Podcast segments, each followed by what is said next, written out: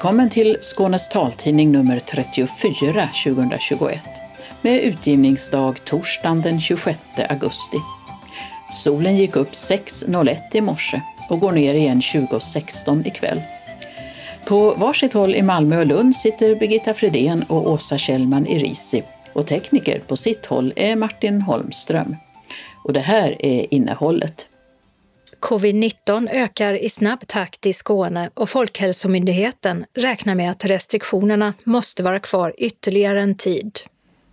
Blinkningar och pip ska hindra att synskadade skadas av slängda elsparkcyklar. Centerpartiet tror på tekniska lösningar. SRF överklagar abonnemangsavgifter för gamla hjälpmedel. Anpassningarna får man hjälp med, men telefonen måste man lära sig själv. Besked från synenheten när alla myndighetsappar nu ska vara tillgängliga. Resan var lång från man till kvinna. Men nu har månadens ansikte hittat hem och funnit harmoni. Större engagemang från tidningsföretagen nödvändigt för att öka antalet taltidningsprenumeranter. Men tidningsutgivarna tveksamma till lägre priser. Anmälan till högskoleprovet öppnad, men inget anpassat prov för gravt synskadade. Öppnat och stängt med bygg och bad. Evenemangstips med pest och palmer. Kalender med skog och hav. Anslagstavlan med regionala och lokala meddelanden samt ändringar i kollektivtrafiken. Idag delar mellersta, östra och sydvästra Skåne anslagstavla. Och allra sist redaktionsrutan. Vi börjar med coronasituationen som i tisdags när vi gick in i studion såg ut så här. Antalet fall av covid-19 fortsätter att öka i Skåne och det i allt snabbare takt. Förra veckan rapporterades 904 fall och det är en ökning med 46 procent sedan veckan innan. Två tredjedelar av de nya fallen är mellan 10 och 39 år medan ytterst få är över 70 år. Den största ökningen ser man i västra och mellersta Skåne, säger smittskyddsläkare Eva Melander. Även antalet patienter på sjukhus med covid-19 ökar och är just nu 23 personer. Något som sannolikt beror på smittspridningen i samhället. Fem personer vårdas på intensivvårdsklinik. Inom vård och omsorg förekommer bara enstaka fall av smittspridning. Nu är det viktigt att alla fortsätter att följa de restriktioner som gäller och vaccinerar sig så fort som möjligt, säger Eva Melander. Hittills är 719 000 skåningar färdigvaccinerade och 867 000 har fått en första dos. Folkhälsomyndigheten har i en rapport till regeringen tagit fram nya scenarier för hur smittspridningen av covid-19 kan tänkas utvecklas under hösten. Alla scenarierna pekar mot en ökad smittspridning på grund av ökade kontakter inom befolkningen och på grund av att den nu dominerande deltavarianten är mera smittsam. Folkhälsomyndigheten gör bedömningen att nuvarande restriktioner måste vara kvar en tid tills flera har vaccinerat sig. Totalt har cirka 6,6 miljoner av den vuxna befolkningen fått en dos vaccin och 5,1 miljoner har fått två doser. Men det räcker inte för att minska smittspridningen, anser Folkhälsomyndigheten. Alltså gäller fortfarande råden att stanna hemma och testa sig vid symptom, hålla avstånd och arbeta hemifrån. Och förstås tvätta händerna. Det rapporterade Birgitta Fredén. Elsparkcyklarna som slängs överallt har blivit ett allt större problem i Malmö.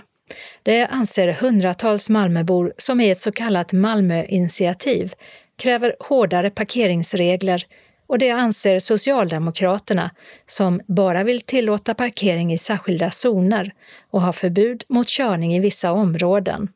Dessutom åldersgräns och förarbevis. Det sa kommunalrådet Andreas Schönström i förra veckans nummer av taltidningen. Men han får inget stöd av Centerpartiet, som i en debattartikel avvisar tankarna på förbud. Anton Sauer, som är gruppledare för Centern i Malmös kommunfullmäktige, har andra förslag om hur man kan skydda personer med synnedsättningar från att skada sig på elsparkcyklarna. Jag tror att enklaste sättet att lösa detta det är just genom delvis att använda upphandlingsverktyget så att, i kommunen så att det, de seriösa företagen får en chans att fortsätta sin verksamhet och så att de oseriösa företagen försvinner.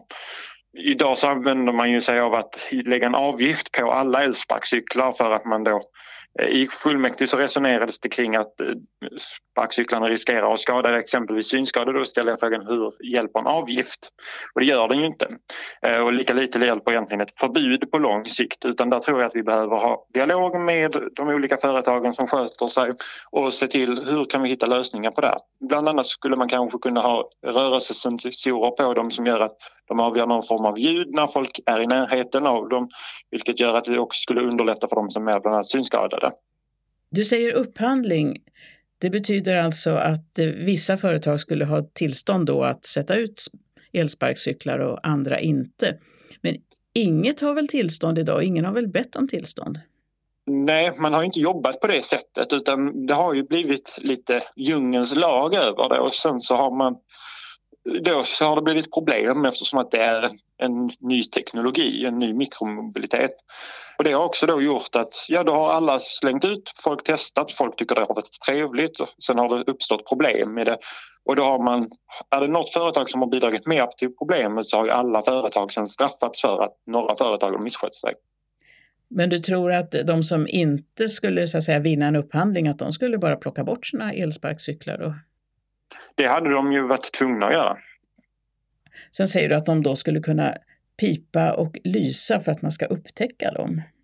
Det skulle kunna vara möjliga lösningar för att liksom komma undan problemet med att eh, exempelvis, jag förstår ju att ett problem för synskadade blir om de ligger slängda, att folk har misskött sig. Då behöver man jobba med företagen och säga till dem att eh, användare som inte sköter sig, som ställer dem fel och sånt behöver kunna bli avstängda från att använda elsparkcyklarna. Men det kan även bli ett problem för synskadade om den står i kanten vid en cykelbana eller vid en gångbana. Och då kan man kunnat titta på möjliga lösningar med exempelvis just eh, mindre läten eller ljus som skulle kunna påvisa att de står där. Du tror alltså att elsparkcyklar det är något som kommer att eh, finnas kvar? Det tror jag. Vi är alltid lite rädda när det kommer ny teknologi och vi har väldigt svårt att se värdet i det direkt. Men jag tror att just mikromobiliteten i det är en fantastisk grej. Sen tror jag att vi behöver komma till bukt med de här problemen. Men jag tror helt klart att de kommer finnas kvar. Det är inte bara företagen då som är problematiska, det är även förarna. Hur kommer man till rätta med att förarna då buskör och inte lyder några som helst regler? Och här finns det ju som jag sa tidigare delvis att man behöver se till att de förarna som inte sköter sig att, att man ska kunna bli avstängd från apparna. Sen så tror jag även att exempelvis om man hade kunnat jobba med GPS-sändare i dem som gör att eh, människor som åker runt eh, på exempelvis i torg och på centrum att cykeln själv känner av det och då drar ner hastigheten till då gånghastighet så att man inte kan busköra mitt i centrum. Och sen kanske även att man hade kunnat jobba med bonussystem för de förarna som sköter sig eller plockar upp cyklar eller dylikt. Skulle det krävas förarbevis, hjälmtvång och sånt? Nej, det tror jag inte. Jag tror att det hade avskaffat hela syftet med det och jag tror inte det hade varit möjliga reformer att genomföra. För vuxna människor som åker runt på de här så har jag svårt att säga att du ska gå ut och hitta en elsparkcykel och samtidigt gå ut och leta efter en hjälm du kan köpa det skulle ju som sagt frånta hela syftet med mikromobiliteten. Men den här mikromobiliteten innebär ju också att man faktiskt måste kunna ställa den här elsparkcykeln precis var som helst. Ja, där tror jag alltså var som helst är ju, det är ju ett begrepp som är, eh, kan betyda så många grejer. Att jag kan ställa en elsparkcykel på ett bra sätt in till en byggnad så att den inte hamnar i vägen för människor är inte samma sak som att jag kan parkera den mitt i vägen. Men det kräver ju såklart att du ska kunna ställa dem på de flesta ställena runt om i staden. Det är ju det som är fördelen med dem, att den både kan ersätta buss, taxi, bil och gångresor. Så om eh, Socialdemokraterna nu vill driva igenom förbud och hårdare tag i fullmäktige, hur ställer ni er till det? Vi ställer oss emot det. Vi tycker att det är, det är lite den lata vägen att gå. Att försöka sopa problemet under mattan Istället så tror vi på, alltså vi är ju teknikoptimistiska i detta och tror att man kan hitta lösningar om man väljer att sätta sig ner med företagen och prata med dem och se till att om du sköter dig så har du världens möjlighet, om du missköter dig så får du inte sätta upp dina sparkcyklar. Sa Anton Sauer, gruppledare för Centerpartiet i Malmö kommunfullmäktige. Reporter var Birgitta Fredén. Och vi kan tillägga att denna vecka så beslutar trafiknämnden i Stockholms stad att det ska krävas polistillstånd för att få placera ut elsparkcyklar.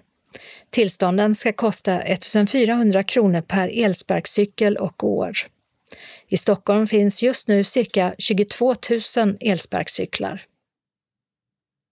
Synskadades riksförbund har överklagat ett beslut av Region Örebro att ta ut avgifter för hjälpmedel som lånats ut före den 1 januari 2020. Då infördes ett system med abonnemangsavgifter för hjälpmedel. Men hjälpmedel som lämnats ut dessförinnan är finansierade av skattemedel. Regionen har ändå beslutat att ta ut abonnemangsavgifter för äldre hjälpmedel. Två personer med synnedsättning överklagade till tingsrätten som gav regionen rätt. Beslutet strider inte mot förbudet i kommunallagen att ta ut avgifter retroaktivt, ansåg tingsrätten. Det här ger i praktiken grönt ljus för vårdgivare att börja ta betalt för äldre hjälpmedel som tidigare betalats av skattemedel och oavsett vilken information personerna fått när hjälpmedlet förskrevs säger SRFs förbundsjurist Anna Kvarnström i ett pressmeddelande. Hon överklagar nu Örebro tingsrätts dom till Göta hovrätt.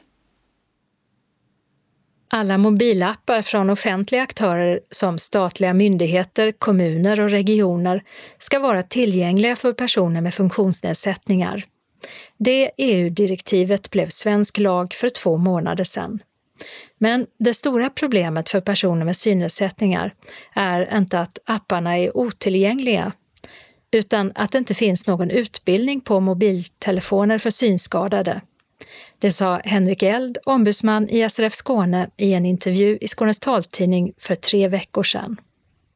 Jag har inget exempel på någon, någon myndighets eller kommuns eh, tjänst som inte funkar. Ett betydligt större problem är ju avsaknaden av eh, en bra grundutbildning för synskadade i att använda smarta telefoner. För att eh, det kan ju upplevas som att en app eller en, en, en tjänst på en smart mobil inte är tillgänglig för att man har för lite grundkunskap i att eh, använda sin telefon. Men var får man den grundkunskapen? På synenheten vuxna inom habilitering och hjälpmedel i Region Skåne säger enhetschef Pirjo Kaikkonen så här. Det är ju så att vårt uppdrag är ju att ge utbildning så patienterna kan hantera anpassningarna i mobilerna såsom eh, förstoring och skärmläsning. Så vi ger alltså utbildning gällande hjälpmedelsfunktionerna, inte varje app eller hemsida. Och det är väl där jag tänker att missförståndet är om det nu är några synpunkter på vad vi ger för utbildning. Så tanken är ju att vi ger verktyg för att använda hjälpmedelsfunktionerna så patienterna kan använda dessa när de använder de olika apparna och hemsidorna. Men sen i träningssituationen då hos synpedagogen så finns ju klart möjlighet för patienten att välja någon app eller en hemsida så kan man träna sig på det. Får man lära sig att hantera själva den smarta telefonen också? Ja, alltså det är där jag också tänker ibland när jag får lite synpunkter att, att eh, vissa patienter tycker att de inte får tillräckligt med utbildning. Att förväntningarna ligger nog tyvärr eh, felaktigt då att man ska få utbildning på själva mobilen hos oss. Men så är det ju inte utan det får man ju lära sig när man köper telefonen eller blir visad där på plats. Så där är ju inte vårt uppdrag utan vårt uppdrag är ju precis som alla andra hjälpmedel att vi ska lära ut själva hjälpmedlet. Men eh, om man går och köper en eh, smarttelefon, får man verkligen utbildning anpassad då till sitt funktionshinder i butiken tror du? Alltså, där är jag lite osäker för vissa patienter som kommer till oss, de är ju väldigt trygga i att använda mobilen och andra är ju mindre trygga. Och ibland tänker jag så att det kanske är så att det hade varit även svårt för den personen eller patienten om de har varit seende, för det är ju ändå rätt mycket man ska sätta sig in i. Så jag är faktiskt lite osäker pass. Eh, men visst, jag tänker utifrån min egen erfarenhet att när jag inte kunnat något så har jag vänt mig tillbaka till butiken och då har de visat mig. Så jag hoppas och vill tro att det är så att de kan visa de olika funktionerna. Annars kanske om det är någon support, det vet jag inte riktigt hur det fungerar. Jag är lite osäker på den biten. Tidigare så fanns det ju kurser på Glimåkra folkhögskola just i att mm. använda telefoner, men de finns inte längre. Regionen mm. slutade ju att, att mm. bekosta skåningarnas deltagande i kurserna. Mm. Jag har ju inte varit inblandad, jag är ju så pass ny chef för synligheten vuxna så jag har ju liksom inte riktigt den historiken så jag kan inte prata i det. Men jag vet ju att jag har hört då, i och med att det var chef då för synligheten barn och ungdom och dövblinda, att, man ansåg då att man kunde ge så pass mycket utbildning. Alltså det, alltså det som var vårt uppdrag på synenheten och därav så, ja, så blev det att man inte gav de här bidragen till Glimåkra. Och det är ju lite, jag tror att det handlar om att det är någon slags missuppfattning att vårt uppdrag är att lära ut själva mobilen och det, det är, så är det inte utan det handlar om själva hjälpmedlet precis som alla andra hjälpmedel, datorer och liknande. Man kanske har lite svårt att skilja på också vad som är en del av telefonen och vad som är hjälpmedlet mm. när man mm. står där med en smartphone i handen. Ja, ja, alltså som jag sa innan, det är ju en så avancerad produkt, en mobil och jag menar det finns ju många som inte kan alla funktioner med sina mobiler även om de inte har en synnedsättning så jag har full förståelse för det att det kan vara svårt att veta vad som är vad. Men som jag sa innan så har man ju en, en kontakt med sin synpedagog och eh, då får man ju prata med den synpedagogen så kan den förklara vad som är vad. Men att gå in och lära, jag menar, de lär inte ut, alltså man kan inte komma med sin mobil och inte ha den aktiverad och sen förvänta sig att vi gör det på synenheten utan det, det får man göra när man har köpt in sin mobil. Hur ser det ut framöver då? Allt mer i samhället eh, bygger ju på att man har en smarttelefon. Snart ska man ju sköta allt via den. Vad tänker du då? Ja, att vårt kom... uppdrag ska ökas då på något sätt? Att ja, kommer det att bli någon, någon, skillnad? Kommer ni att kunna lära ut något mera eller? Alltså inte som det ser ut nu. Det enda jag funderar lite på att vi kanske får titta över och ha någon slags dialog med eh, medborgarna liksom hur vi skulle kunna möta varandra men vårt uppdrag kan vi nog inte förändra så utan det är ju väldigt, väldigt tydligt att vårt uppdrag är att lära ut själva hjälpmedelsdelen. När det gäller datorer då, hur mycket kan mm. ni lära ut där? Alltså det är ju samma sak där att vi lär ju inte, alltså man kommer inte med sin dator och inte kan någonting utan det är ju själva anpassningarna eh, som vi kan stötta upp och lära ut. Sa Pirjo Kaikkonen, enhetschef med delat ledarskap för synenheten vuxna inom habilitering och hjälpmedel i Region Skåne. Reporter var Birgitta Fredén. Sedan starten 2003 har ingen transkvinna varit månadens ansikte i Skånes taltidning. Och för att ändra på detta åkte vi till Linköping. Där bor nämligen Maria Ekeroth som är månadens ansikte i augusti 2021. Vi kan ju gå över här. Maria kommer gående nerför backen med raska steg och sin vita käpp för att möta mig vid bussen i den stadsdel med låga 50-talshus där hon bott nästan hela tiden sedan hon kom till Linköping för 15 år sedan. Det är in här då? Ja. Så.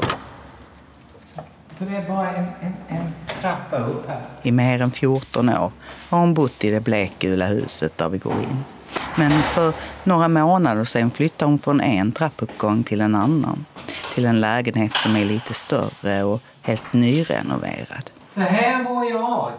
Åh, du har en sån fin terrass här eller en liten ja, altan eller något. Var det en, lit, en liten balkong och så en uteplats här. Jag trivs så himla bra. Det är lugnt och skönt område och, och nära till naturen och Sen, eh, ja, det är nära till stan också sen. Det är ungefär tre, tre och en halv kilometer. Ska vi gå in igen eller vill du sitta ute? Nej, vi sitter, Nej, vi sitter in. Ja. Vi går tillbaka från den soliga uteplatsen in i lägenheten som är sparsmakat och stilrent inredd med ljusa färger. Och vi sätter oss i den bekväma grå soffan.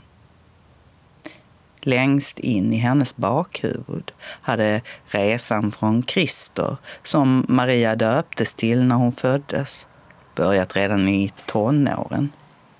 Men rent fysiskt satte den igång när hon var i 35-årsåldern och flyttade till Linköping från Eksjö i Småland för att genomgå en utredning på transsexuella mottagningen vid universitetssjukhuset.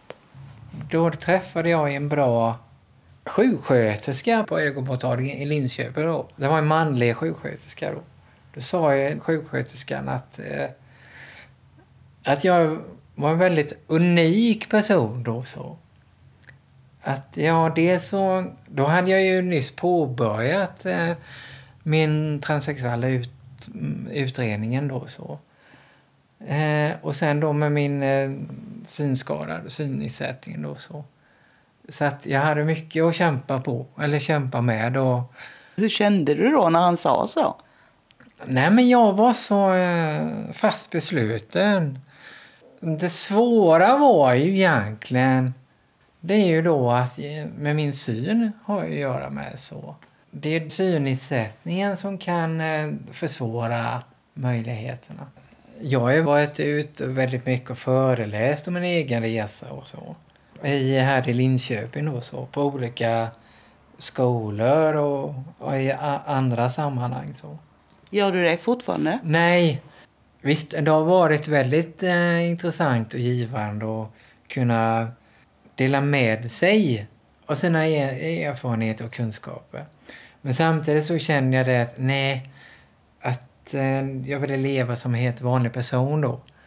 En helt vanlig kvinna. Och sen, sen har ju den här utredningen förändrats väldigt kraftigt, radikalt sen jag gjorde min utredning. Det är ju det är ju stenålderstider egentligen. Så, så, så mycket har det förändrats egentligen. Jag tror att det inte bara är till det bättre heller så. Det har ju varit uppmärksammat ganska mycket ett tag i media att det är ganska mycket yngre personer som söker till vården då så. Det är väl både på gott och ont. Det som jag kommer säga nu kanske, det kanske många anser att jag har fel Eh, men, men jag står för det. Att jag anser ju att det får inte gå för snabbt. Eh, och då är det risk för att människor hinner ångra sig egentligen. Och då, om man har gjort operationen så, eh, då fin det finns ingen återvändo egentligen. För Marias del var vägen till en könsbekräftande behandling, som det ofta kallas numera, väldigt lång. Och inte bara för att utredningen var mycket mer omfattande när hon gick igenom den, utan för att det var en utdragen inre process innan hon kom fram till att hon ville gå igenom behandlingen. Också vägen till synskadediagnosen var lång och det var först när hon var i 20-årsåldern som hon fick den. Efter att ha upplevt problem med synen hela livet. Jag har ju RP, retinitis pigmentosa. Det är en näthinnasjukdom, Och näthinnan gradvis förstörs egentligen då så. Synen är väldigt, väldigt begränsad. Jag har ett mer ett, ett tunnelseende. Men man får eh, eh, försöka vara positiv och eh, vara, glad för att, eh, att man har de synresterna som man har. Jag vet att andra som har samma diagnos då, att man har förlorat synen helt då.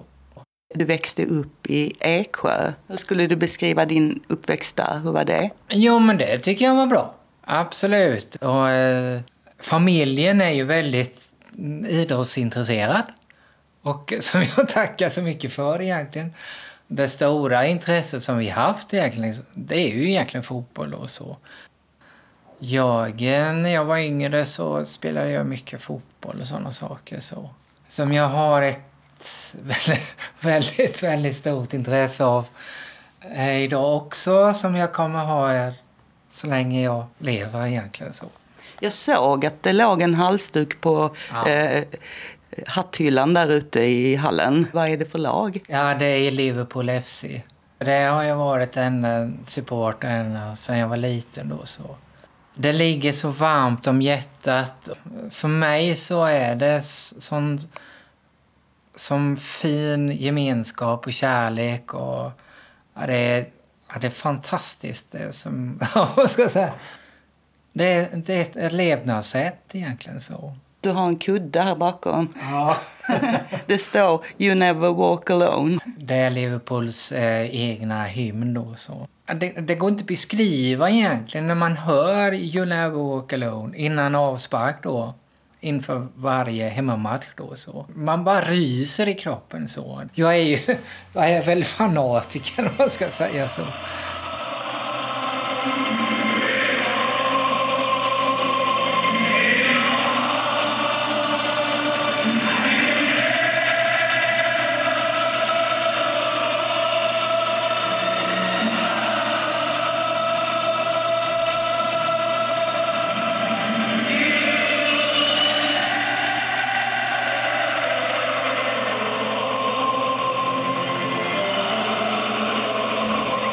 Visst, inom idrottsvärlden generellt så, eh, så har det varit eh, svårt och så. För att människor kommer ut som gay eller, eller kommer ut som transperson eller som jag ändrat min könstillhörighet så. Men eh, jag har ju samma Eh, tillhörighet, eller man blir som, behandlad som en vanlig tjej inom eh, supporterskapet och så. Det känner jag, det är ingen skillnad så. Och det är jag väldigt glad och tacksam för. Sen, eh, det kanske låter lite märkligt egentligen så, men, men det här med fotbollen så. Eh, det växer starkare och starkare för, för varje år som går egentligen då så. Man ser fram emot eh, just en helg med eh, fotboll och man är så inne i det och man hoppas på att vi vinner och eh, klang och jubelföreställning och, och sådär. Hur kom du på att du själv skulle börja spela fotboll då? Det har vi gjort allihopa i familjen i stort sett. det, det föll sig naturligt så. Var spelade du fotboll? Fotbollslaget heter IFK Hult. Där spelade jag ända tills 20, 25-årsåldern kanske eller någonting. Vad hade du för position i laget då? Jag var back, eh, högerback var jag. Och eh, den trivdes jag med väldigt bra. Men sen blev det ju svårare och svårare med avståndsbedömningen och, och sådana saker. Så då kände jag väl det att nu är det nog dags för mig att, att, att eh, lägga skorna på hyllan. Innan Maria kom ut som kvinna levde hon många år i en värld som var rätt så maskulint präglad. Dels spelade hon herrfotboll och efter en tvåårig gymnasieutbildning till snickare blev det jobb på ett sågverk. Det är ju väldigt machokultur eller man ska säga så. Jag jobbade där i ungefär 11 år, vad ska jag säga. De första åren trivdes jag jättebra. Men sen så blev det lite som att egentligen så ville jag hitta ett annat arbete. Men eh, lågutbildad som jag är och, och dålig syn och då hade jag inget eh, annat arbete att söka då så. I och med att det var så machokultur då och där kunde jag inte visa någonting från att jag ville gå igenom en utredning från man till kvinna då och så. För det var väldigt, väldigt hård jargong egentligen då så. Sen, eh, jag hade ju en väldigt bra kuratorkontakt då som jag pratade med då. Och kunna ventilera sina tankar och sådär. Det var väldigt, väldigt värdefullt egentligen då så. Men levde du liksom ett dubbelliv ett tag? Ja, precis. Så att, och det, det gjorde jag i många år egentligen då. Gjorde du det också bokstavligt talat? Att du åkte till exempel till en större stad och hade andra kläder och Ja, Maria? ja, absolut. Det gjorde jag ju då till, både till eh, Jönköping och, och framförallt början till Göteborg. Då, så. Jag hade ju med mig en eh, kasse med tjejkläder till, och, och sen bytte jag om då till på hotell eller så. Att man eh, levde ut sina inre känslor och så. På helgen då eller så? Ja, ja, precis. Det kändes jättebra. Eh, och kunna få utlopp för sina inre tankar och känslor. Och sen åkte du hem och var Christer? Ja, ja, ja visst. Men vad var det som gjorde att du bestämde dig så att säga? Att ta steget? Nej, men jag mådde ju inte bra egentligen då så. Jag hade ju de här tankarna i mig.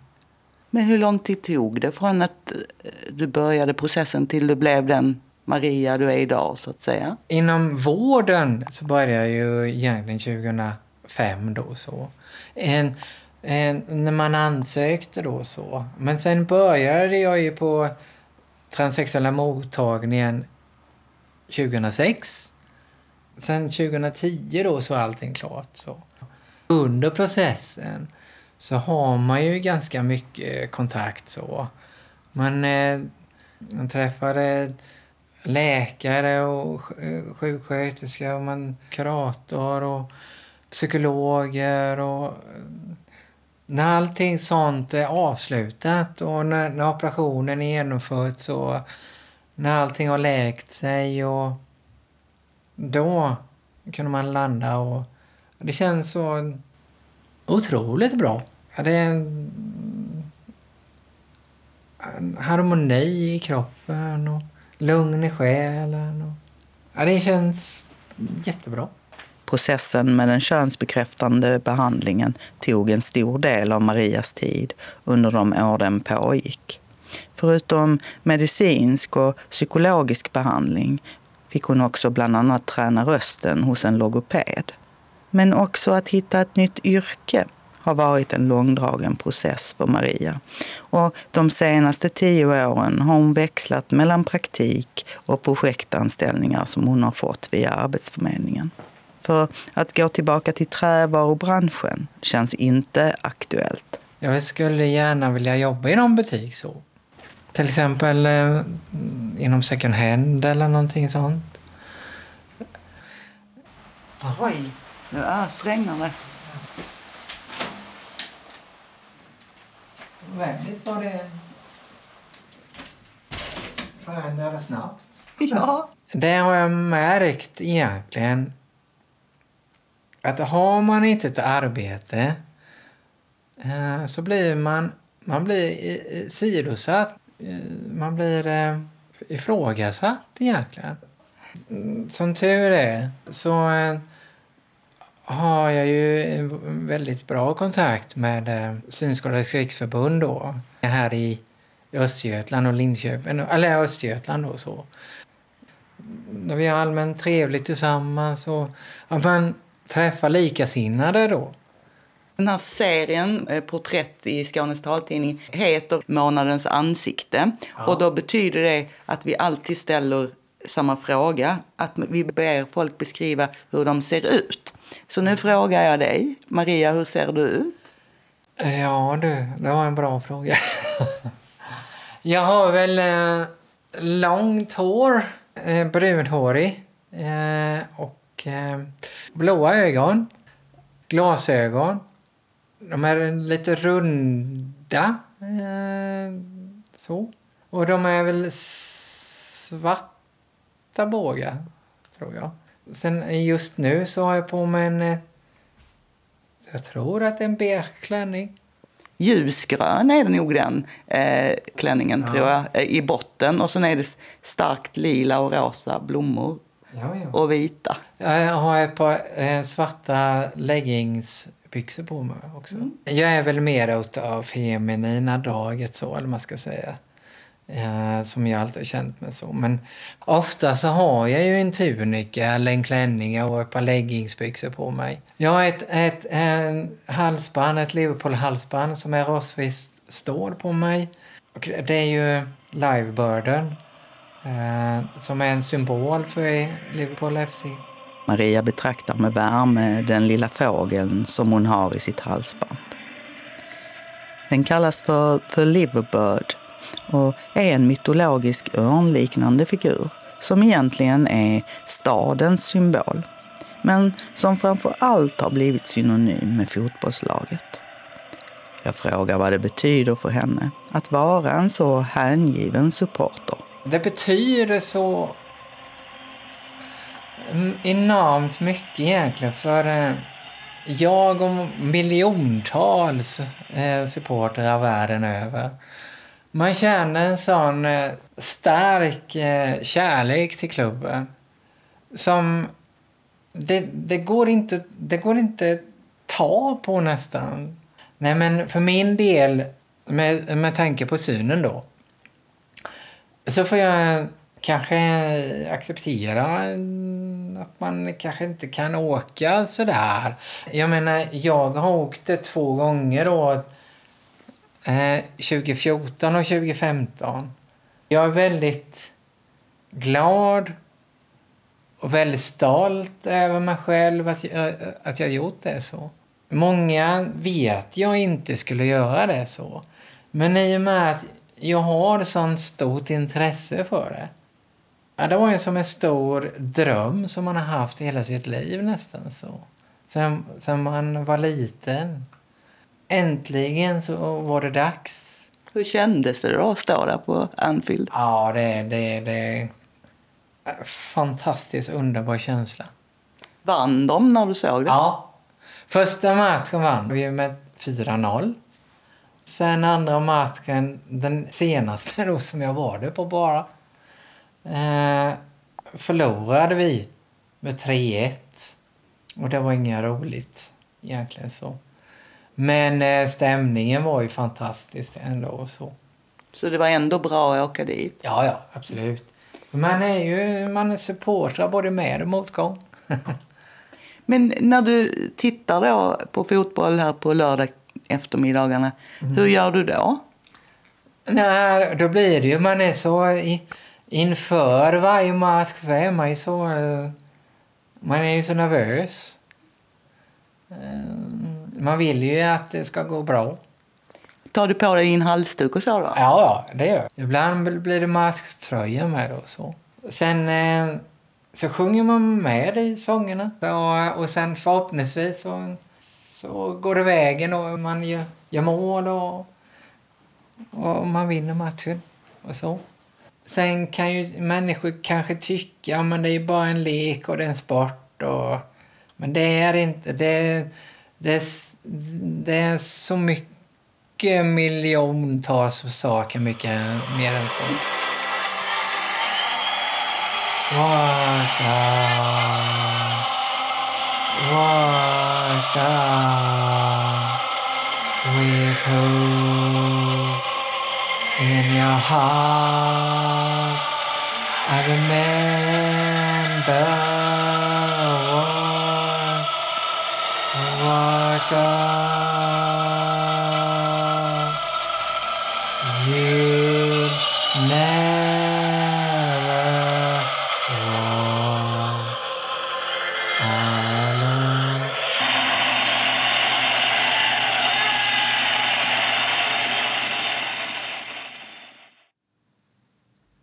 var Maria Ekeroth, månadens ansikte i augusti, som sjöng med i You'll never walk alone. Från början en låt ur musikalen Karusell, som kommit att bli Liverpool FCs speciella hymn. Reporter var Gunilla Kracht. Antalet prenumeranter på dagstidningarnas talade upplagor minskar stadigt. Det har vi berättat om tidigare.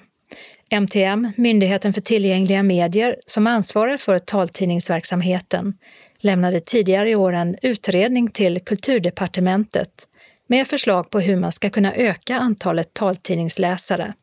En del av förslagen går ut på att göra flera publikationer, både tryckta och på internet, tillgängliga i taltidningstjänsten. Annat syftar till att göra taltidningsprenumerationer billigare genom att följa prissättningen på dagstidningarnas digitala upplagor. Idag tar i princip alla dagstidningar ut det högre papperstidningspriset för sina talade upplagor trots att det sedan åtta år tillbaka råder fri prissättning på taltidningarna.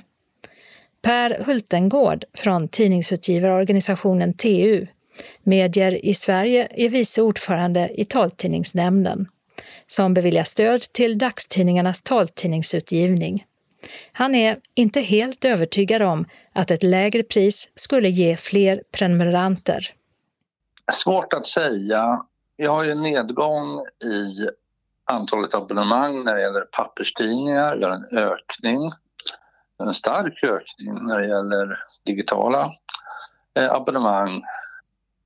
Lite mer generellt så är det väl så att eh, tilltron och engagemanget för kvalitetsjournalistik har stärkts eh, de senaste åren. Så att, eh, nej, jättesvårt att säga men, men eh, det är klart att, att, eh, om någonting är billigare så kommer fler att köpa det men eh, samtidigt så är det så att eh, kvalitetsjournalistik måste få kosta. Tror du att färre dagstidningar skulle vara intresserade om de eh, så att säga på något sätt blev eh, ålagda att sänka priserna till till exempel e-tidningsnivån? Också det är jättesvårt att säga. I och med att eh, taltidningsverksamheten har förflyttats från tidningsredaktionerna till MTM så är ju eh, tidningsföretagens eh, roll i det hela ganska begränsad. Det handlar om att eh, marknadsföra eh, taltidningen och eh, starta upp.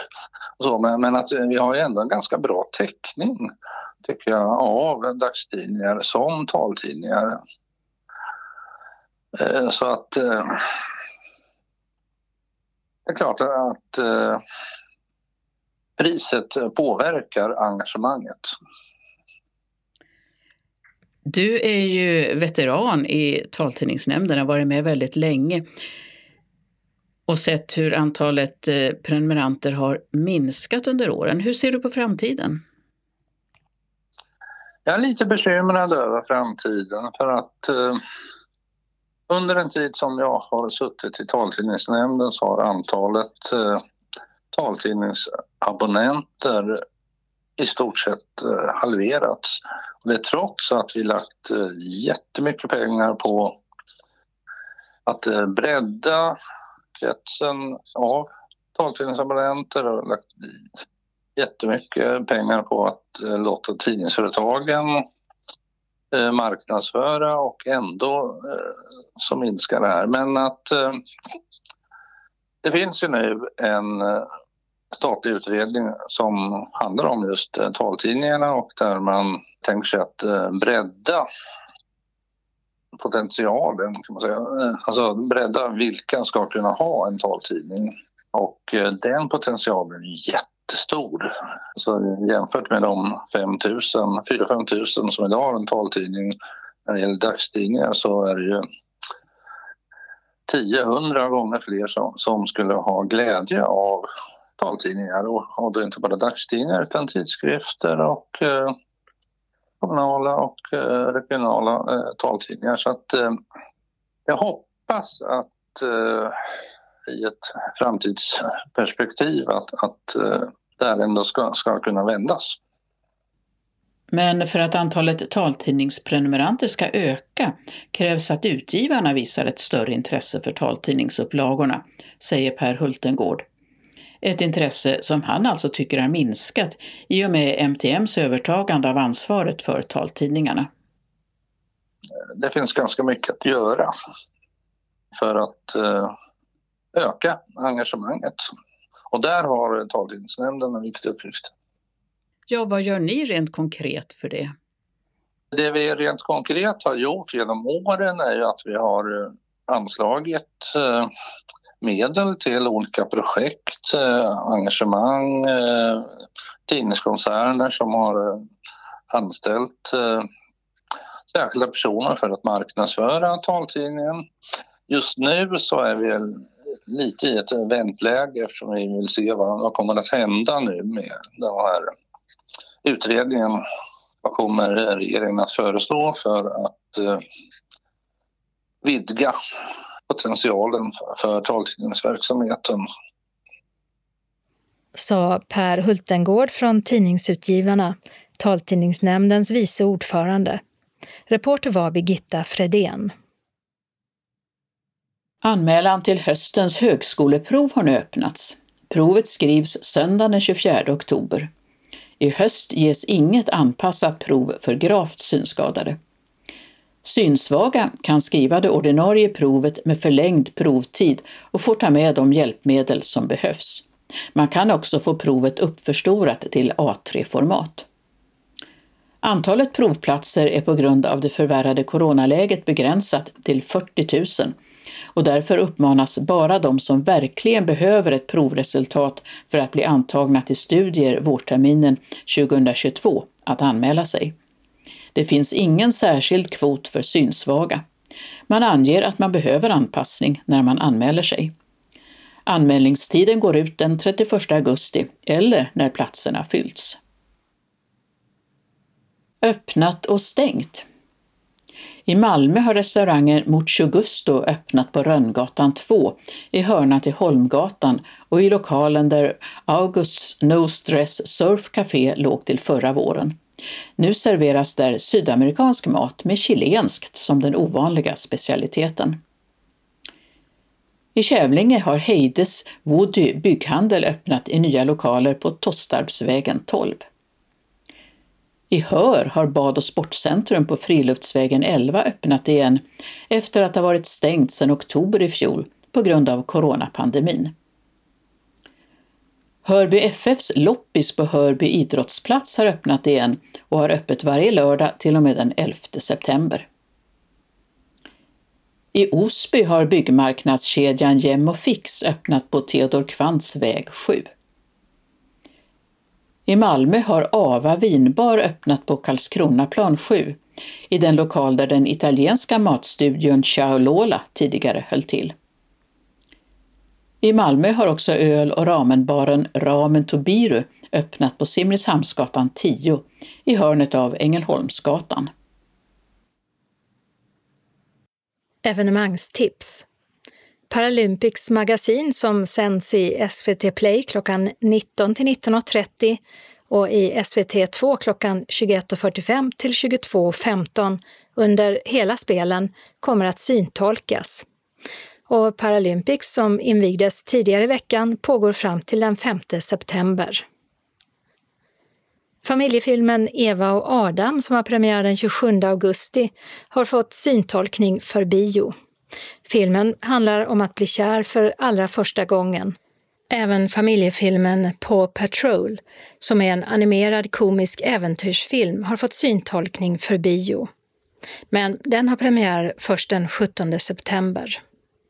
I Orangeriet på Hovdala slott kan man fredagen den 27 augusti lyssna till musik från Pestens tid med medeltidsensemblen Falso Bordone och höra berättelser från slottet av Peter Alf. Biljetterna kostar 150 kronor och bokas på telefon 0451 26 68 00. Smygehus visfestival äger rum fredagen den 27 augusti klockan 19 till 22 på Smygehus havsbad. Bland deltagarna finns Anna-Mia Barve och Danne Stråhed. Biljetter för 220 kronor, 110 för barn under 16, säljs av Ticketmaster och Biletto. Bordsbokning görs på telefon 0410 50300. Palmfestivalen i Trelleborg ersätts i år av en familjedag i Stadsparken lördagen den 28 augusti klockan 12 till 16. Det blir tivoli, men inget festivaltält. Och för underhållningen står Ayla Kabadja, känd från barnprogram i tv med en show klockan 15. Det är fri entré. Vannås konst inleder en ny litteratursatsning söndagen den 29 augusti med tre arrangemang på temat Livräddare. Det handlar om hur livsviktig en text kan vara. Serien inleds med författaren Jonas Hassen Kamiri i ett samtal med läkaren och författaren Eva Ström. Samtalet pågår från klockan 15.30 till cirka 17.30 med en paus där förfriskningar finns att köpa. Själva programmet är gratis. Senare i höst kommer Sara Stridsberg och det tredje programmet skapas av ett ungdomsråd. Traditionell spelmansstämma blir det på Gamlegårds hembygdsmuseum i Billinge. Söndagen den 29 augusti klockan 13 till 16.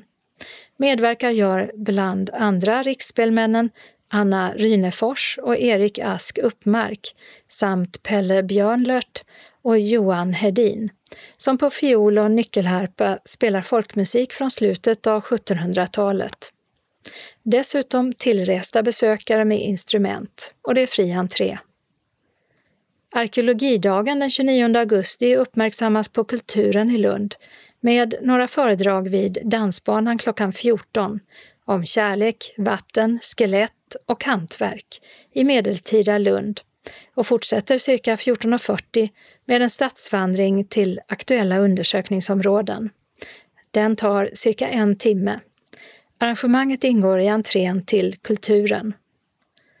Lund Comedy Festival arrangeras traditionsenligt första helgen i september. I år den andra till fjärde.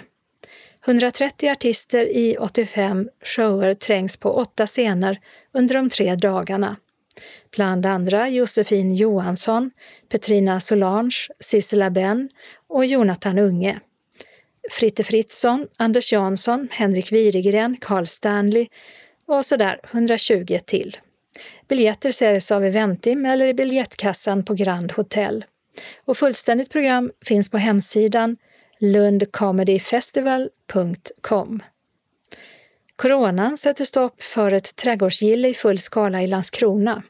Men flytande trädgårdar kommer att finnas i Citadellets vallgrav vid Skulpturparken vid Konsthallen på Slottsgatan den 2 till 5 september. Publiken får som vanligt rösta på den flottaste flotten. Kristianstad bokfestival fredagen den 3 och lördagen den 4 september är i år både digital och fysisk. Ett litet antal biljetter finns till en del av författarframträdandena i Stora salen i Kulturkvarteret, annat sänds digitalt. Temat för festivalen är I lust och nöd. Gör läsning till en del av livet. Och biljetter finns på Kulturkvarterets hemsida. Hela programmet finns på kristianstad.se. Albin Lee Meldau inleder den andra delen av Kulturbolagets konsertserie i Pildammsteatern i Malmö. Detta fredagen den 3 september. Lördagen den 4 september ger Mando Diao en akustisk spelning och torsdagen den 9 september spelar Jill Johnson med trio. Den 10 september avslutas konsertserien med Sabina de Dumba. Tiden är 19 till 22 alla gångerna och biljetter säljs av Ventim och åldersgränsen är 13 år. Den kvinnliga kammarorkestern, Kvinnoorkestern, som framför musik av kvinnliga tonsättare, spelar i Röda salongen i Kulturhuset i Hässleholm söndagen den 5 september klockan 16 till 17.40. Dessutom framträder blockflöjtvirtuosen Emily Roos. Biljetter för mellan 170 och 195 kronor bokas på telefon 0451 266670. Palladium i Malmö har öppnat för publik igen. Hur många biljetter som finns till varje föreställning beror på de då rådande coronarestriktionerna.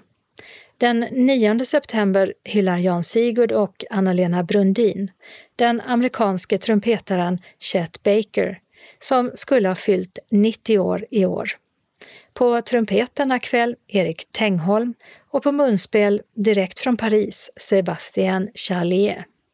Det blir två timslånga föreställningar klockan 19 och klockan 21. Biljetterna kostar 290 kronor och det är endast ett fåtal platser kvar. Lördagen den 11 september klockan 19 till 20.15 kommer skådespelaren, regissören och radioprataren Katrin Sundberg med humorföreställningen Jag gör vad fan jag vill, en betraktelse av livets olika skeden som vänder sig till kvinnor och extremt modiga män. Som Sundberg säger i programförklaringen. Biljetterna här kostar 345 kronor och även här är det ett fåtal platser kvar. Palladium ligger på Södergatan 15 i Malmö och biljetterna bokas via Kulturcentralen. Helsingborgs symfoniorkester öppnar för en ny säsong och då får man åter spela för publik i stora salen. Det blir både nyskrivna verk och välkända som okända klassiker. Orkestern öppnar den 9 september klockan 19 inför en begränsad publik med ett uruppförande av Caroline Shaws pianokonsert Watermark, men även musik av Ludwig van Beethoven och Jean Sibelius. Biljetterna som bokas hos Helsingborgs konserthus kostar 295 kronor. Är man under 18 år är biljettpriset 85 kronor och studerande 110 kronor. Hela säsongsprogrammet för Konserthuset finns på hemsidan helsingborgskonserthus.se. Torsdagen den 9 september berättar Lommabon Gert Olsson om sin bok om sin egen och Lommas klassresa från 1950-talet till idag. Det är på Lomma bibliotek klockan 18 till 19 och det är fri entré. Biljettinformation Ticketmaster, telefon 077 170 70 70. Kulturkvarteret i Kristianstad 0709 20 58 04 eller Coop Galleria Boulevard 010 747 2272. Eventim 0771 65 1000. Kulturcentralen 040 103020. Kalendern vecka 35 börjar med måndagen den 30 augusti då Albert och Albertina har namnsdag. En delegation från riksdagen deltar i den 30 parlamentariska Östersjökonferensen. Konferensen är denna gång digital. Och på agendan står frågor som återstarten av samhället efter pandemin, demokrati, delaktighet och klimatförändringar. För 300 år sedan slöts Freden i Nystad, som var en överenskommelse mellan Sverige och Ryssland efter det stora nordiska kriget. Med freden i Nystad upphörde Östersjön att vara ett svenskt innanhav. Områdets starka makt var nu istället Ryssland. Och uppgörelsen i Finland blev hård. Ingermanland, Estland och Livland förlorades medan stora delar av Finland räddades. Förutom delar av Karelen och Viborg som erövrats av ryska trupper. Tsaren garanterade också att Ryssland inte skulle blanda sig i den svenska tronföljdsfrågan efter Karl XIIs död eller söka att förändra regeringsformen.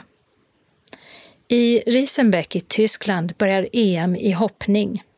Men hela det svenska guldvinnande laget från laghoppningen i OS kommer inte dit. Varken Malin Bajard Jonsson eller Henrik von Eckermann startar.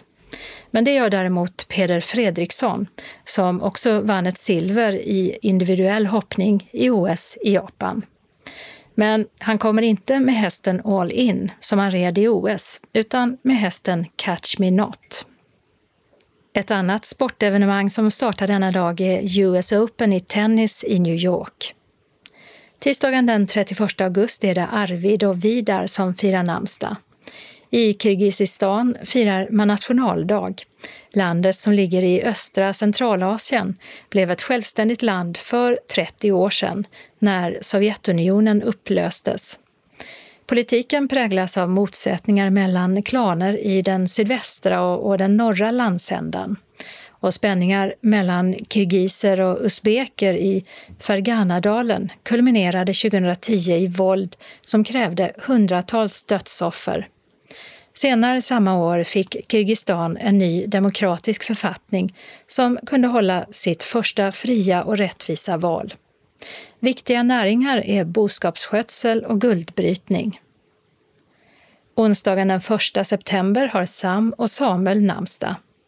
För 50 år sedan bildades BRIS, Barnens rätt i samhället, av författaren Gunnel Linde och journalisten Berit Hedeby. Detta efter att en treårig flicka blivit misshandlad till döds av sin styvfar tidigare under året. BRIS kämpar för ett bättre samhälle för barn och både barn och vuxna kan ringa till organisationen för stöd eller om man känner oro för ett barn. Sametingets åttonde mandatperiod invigs vid Umeälvens strand och kronprinsessan Victoria och prins Daniel är med vid ceremonin. För 70 år sedan skapades försvarspakten ANSUS mellan Australien, Nya Zeeland och USA. Den undertecknades den 1 september 1951 och trädde i kraft i april 1952. Organisationens säte är i Canberra i Australien. Och efter damernas volleyboll-EM är det dags för herrarnas. Det spelas i många länder, Polen, Finland, Tjeckien och Estland, fram till den 19 september. Torsdagen den 2 september är det Justus och Justina som firar sina namn.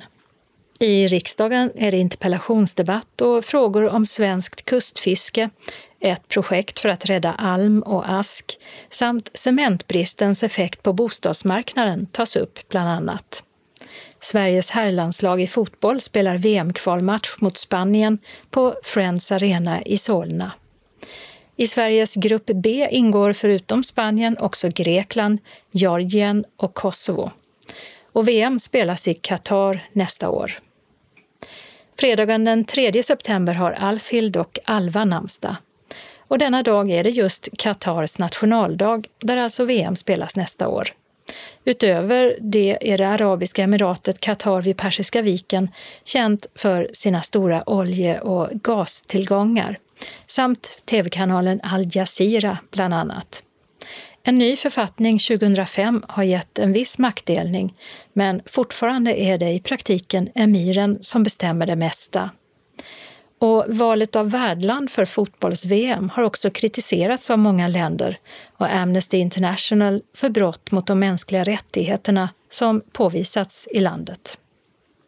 Lördagen den 4 september har Gisela namnsdag. I Stockholm börjar den spännande Finnkampen, som är en klassisk friidrottstävling mellan Sverige och Finland. Och förra året vann Sverige en dubbelseger. Så frågan är hur det går i år. Finnkampen avgörs på söndagen. Första gången Finnkampen hölls det var 1925. Tidigare kulturministern och journalisten Marita Ulfskog fyller 70 år. Hon var också Socialdemokraternas partisekreterare mellan 2004 och 2009.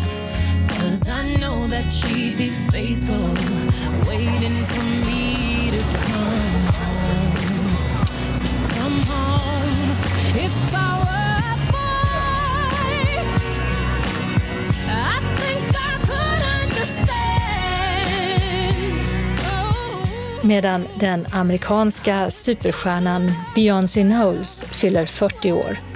Här med en av sina kända hits, If I Were a Boy.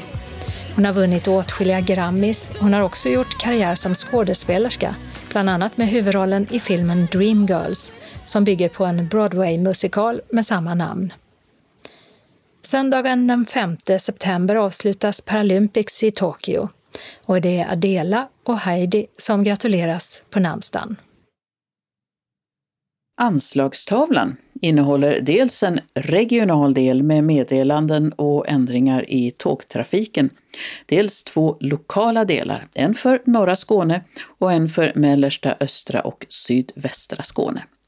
Men vi börjar med de regionala meddelandena och då kan vi först säga att SRF Skåne bjuder in till en dag i Kurt Wallanders fotspår i Ystad. Söndagen den 5 september klockan 12 till cirka klockan 16. Ankomst innan klockan 12 till Hotell Continental på Hamngatan 13 i Ystad. Hemresa klockan 16 från Fridolfs konditori på Lingsgatan 3. Program på hotellet serveras lunch och kaffe. Klockan 13.45 finns brandbilarna på plats.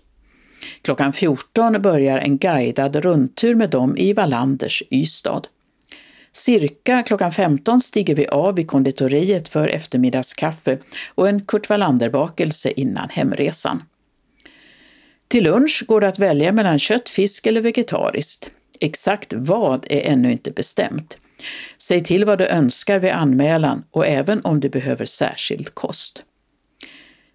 Till Fridolfs är det två ganska höga trappsteg upp med en ledstång att hålla sig i. Vi hjälps naturligtvis åt och gör så gott vi kan. Samma sak gäller att komma in och ur brandbilarna.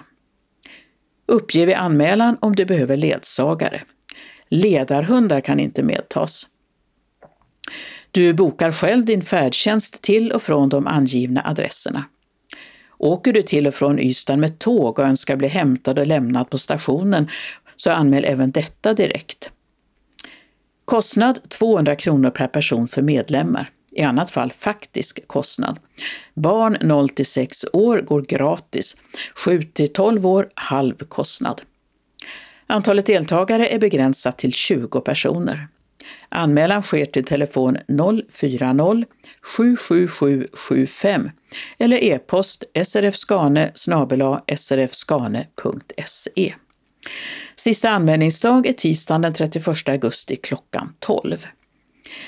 Du kan betala in din anmälningsavgift i bankgiro 484-0989 eller med swish på nummer 123 312 6299. Vill du ha en inbetalningsavi så säg till när du anmäler dig. Vi skickar bekräftelse och deltagarförteckning och står för reskostnaderna efter att kvitton inkommit, senast tre månader efter genomförd aktivitet. Men bara inom Skåne. Bor du utanför så betalar SRF Skåne endast för kostnaden från länsgränsen. Varmt välkomna hälsar arbetsgruppen för kultur och fritid. SRF Ängelholm Båstad inbjuder till torskjakt på Öresund. Alla SRF-medlemmar i Skåne är välkomna. Vem lurar Atlantens smartaste torsk? Den 15 september styr turfiskebåten MS Linda ut mot djuphålorna vid Ven. Stärkt av kaffe med fralla laddar vi fiskespöna med frestande beten. Kanske blir det just du som överlistar den granna torsken som förirrat sig in i sundet.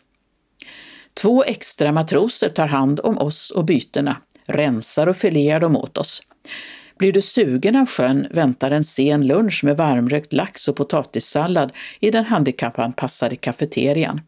Inget spring i branta trappor alltså. Äventyret börjar klockan 13 då vi kliver ombord i Nyhamn i Landskrona. Fyra timmar senare lämnar vi katamaranen med fyllda kylboxar. Plats för 20 torskägare med coronaavstånd och ledsagare. Minsta antal deltagare är 10 stycken för att aktiviteten ska bli av. Bindande anmälan och betalning sker till Marianne Jönsson i SRF Ängelholm Båstad. Marianne Jonsson 95 gmail.com eller 070 710 4579 senast söndagen den 29 augusti. Distriktet betalar resan för alla medlemmar utanför Ängelholm Båstad till Nyhamn i Landskrona. För Ängelholm Båstads medlemmar betalar vi själv reskostnaden. Turfiskebåten är chartrad och enbart SRF-medlemmar får åka med. Mer info lämnas av aktivitetsansvarig Jan-Olof Asp på 070 554 3628 eller jan-olof.asp outlook.com. Kostnad 200 kronor. Betalning till bankgiro 5972-8915 eller swish 123 130 7214. Varmt välkomna hälsar styrelsen för SRF Ängelholm Båstad i samarbete med samverkansgruppen SRF Nordvästra Skåne. Vi har några tillfälliga ändringar i tågtrafiken. Trafikverket bygger fyrspår mellan Malmö och Lund och det innebär också att flera godståg kör sträckan Hässleholm-Åstorp och det påverkar pågatågen som ställs in där under tiden 30 augusti till 3 september mellan 8.30 och 13.50 samt 17.50 till 00.50. Buss ersätter. På nätterna mellan 29 och 31 augusti utför Trafikverket underhållsarbete i Ängelholm. Pågatågen mellan Kattarp och Förslöv är inställda och ersätts av bussar söndagen den 29 och måndagen den 30 augusti. Underhållsarbete utförs också mellan Hässleholm och Kristianstad på nätterna mellan 30 augusti och 2 september och pågatågen är inställda. De ersätts av bussar som stannar också på mellanstationerna.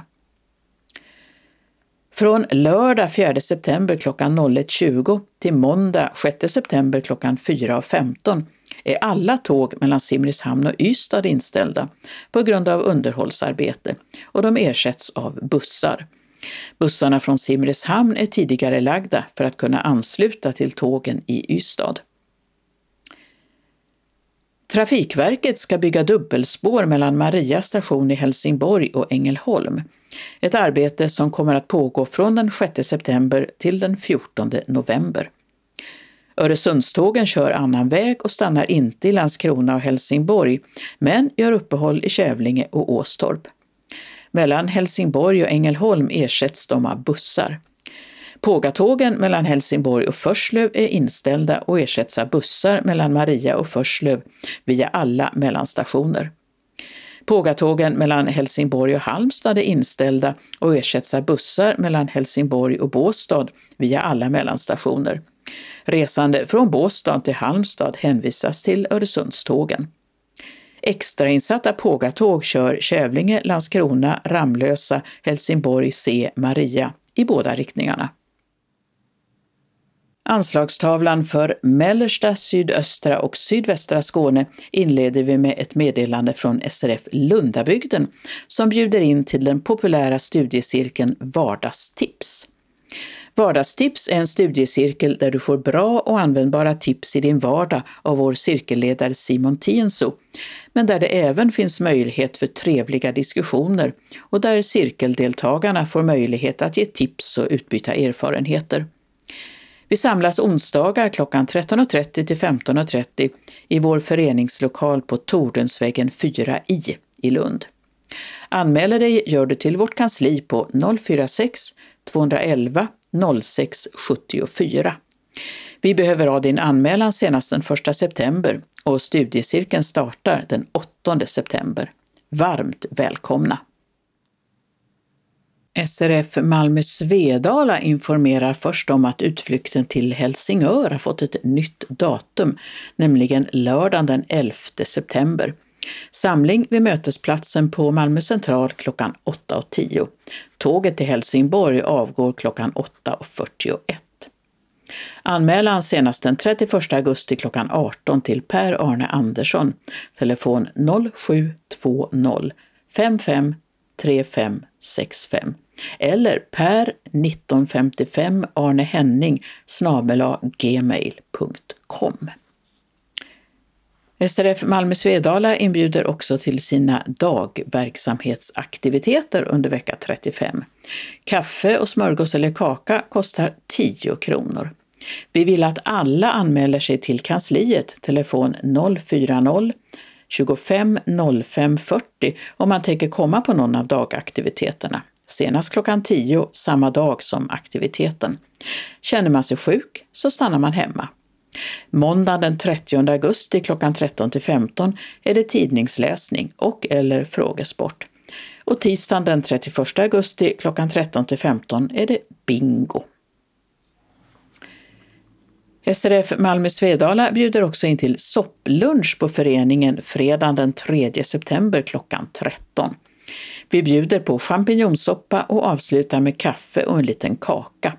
Är du medlem får du allt där för 30 kronor. Ej medlemmar betalar 50 kronor. Färdtjänst hem kan beställas till klockan 14.45. Vill du vara med så anmäl dig till kansliet senast måndagen den 30 augusti. Varmt välkomna hälsar styrelsen. Och så hälsar SRF Malmö Svedala välkommen till en guidad visning av installationen Way to Go på Davidshallsbron i Malmö. Tisdagen den 14 september klockan 14 samlas vi på Södra Tullgatan 4 där vår guide och syntolk Claes Gylling tar hand om vår grupp. Konstnären Åsa Maria Bengtsson har 29 bronsstatyer installerade på bron. Anita Ekbergs skor, Nils Poppes kängor och Edvard Perssons trätofflor är ett litet urval. Alla skor representerar personer som haft betydelse i Malmös artistliv. Lasse Holmqvist, Östen Warnerbring, Jacques Werup, Bo Widerberg med flera. Några kända skådespelare är Emmy Storm, Gudrun Brost, Maj Lindström och Naima Wivstrand. Kom och ta del av Klas kunskaper om betydande personer för Malmös kulturliv. Anmäl dig senast fredagen den 9 september klockan 12. Kostnad för guidningen är 50 kronor per person och den beräknas ta en timme. Kanske några i gruppen vill ta en fika efter. Det kan vi komma överens om på plats. Frågor till visningen besvaras av Maj-Britt Ryman på 070 324 6609. Vi ses på Davidshallsbron, hälsar styrelsen för SRF Malmö Svedala. Och anmälningstelefonnumret är alltså 040 25 05 40 eller info srfmalmo.se. Vi har en ändring i busstrafiken i Sövde då en vägtrumma håller på att bytas ut på Snogeholmsvägen som innebär att linje 341 har en ny körväg. Hållplats Sövdeborg är stängd i båda riktningarna och resenärerna hänvisas till Sövdekorset, cirka 600 meter i nordvästlig riktning på Sövdeborgsvägen. Hållplats Sövdeborgskorset läge A är också indragen för linje 341 och resenärerna hänvisas till linje 301s hållplats mot Sjöbo, alltså läge B på andra sidan Ystadvägen. Man får sedan byta till linje 341 mot Veberöd vid hållplats Spjälla. Resenärer från Veberöd som brukar stiga av vid Sövdeborgskorset läge C får nu kliva av bussen vid hållplats Spjälla och byta till linje 301 mot Ystad som stannar vid Sövdeborgskorset läge A. Arbetet ska vara klart den 4 september klockan 16. Anslagstavlan för norra Skåne inleder vi med meddelanden från SRF Kristianstad-Bromölla. Hej alla bokvänner! Nu kör vi igång våran bokcirkel igen, tisdagen den 31 8, 13.15 till 14.45 på biblioteket, Föreningsgatan i Kristianstad. Vi samlas i huvudentrén. Stefan eller Karin hjälper oss med tips etc. En fika blir det också tid till. Välkomna! SRF Kristianstad-Bromölla inbjuder också sina medlemmar till kamratträff i Östermalmskyrkans lilla sal, Lasarettsboulevarden 6, onsdagen den 15 september klockan 14 till 16.30. Claes-Göran Dahlqvist kommer att berätta om biodling för oss och som vanligt fikar vi tillsammans. Anmäl deltagande till TINA på telefon 070-635 4114 senast onsdagen den 8 september. Välkomna till ett intressant föredrag. Och så blir det vattengymnastik varje fredag klockan 12 till 13 i CSKs varmvattenbassäng med start den 17 september och det pågår till den 3 december. Max antal är 12 stycken. Det kostar 300 kronor per termin och det betalas in på bankgiro 899-9245 när du har anmält ditt deltagande till TINA på telefon 070 635 4114 senast den 10 september. Varmt välkommen till en nyttig men skonsam motion för hela kroppen hälsar SRF Kristianstad-Bromölla. SRF Västra Skåne har månadsmöte tisdagen den 14 september klockan 14 till 16 i SRFs lokal på Vaktgatan 3 i Helsingborg. Det blir vanliga mötesförhandlingar. Styrelsen vill ta upp styrelseersättningar inför budgetarbetet 2022.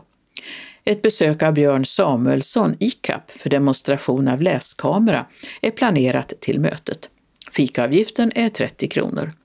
Sista anmälningsdag är måndagen den 13 september klockan 12 till kansliet på telefon 042 15 83 93 eller via e-post till srf.monica med k telia.com.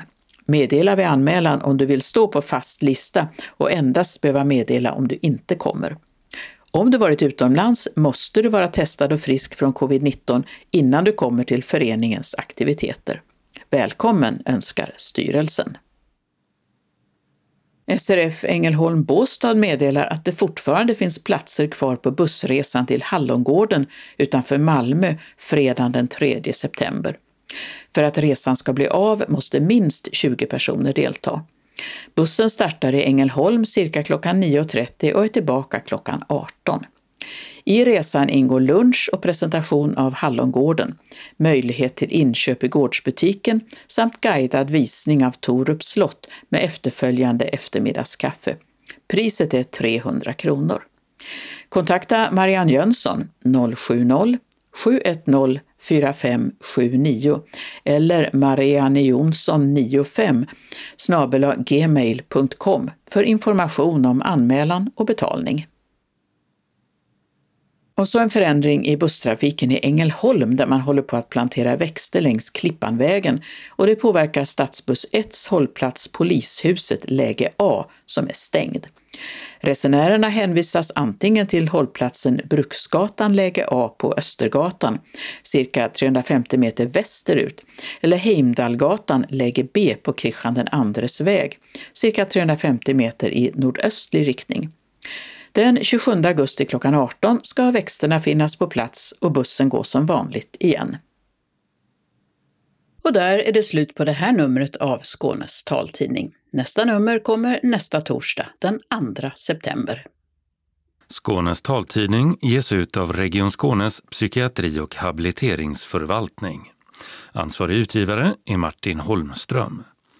Postadress Jörgen Ankersgatan 12, 211 45 Malmö. Telefon 040-673 09 70. E-post Skanes taltidning snabela skane.se och hemsida skanestaltidning.se. Observera att CD-skivorna inte ska skickas tillbaka till oss. Såväl skivor som kuvert kan läggas i brännbara sopor när ni inte längre vill ha dem. Vi hörs igen. Hej då!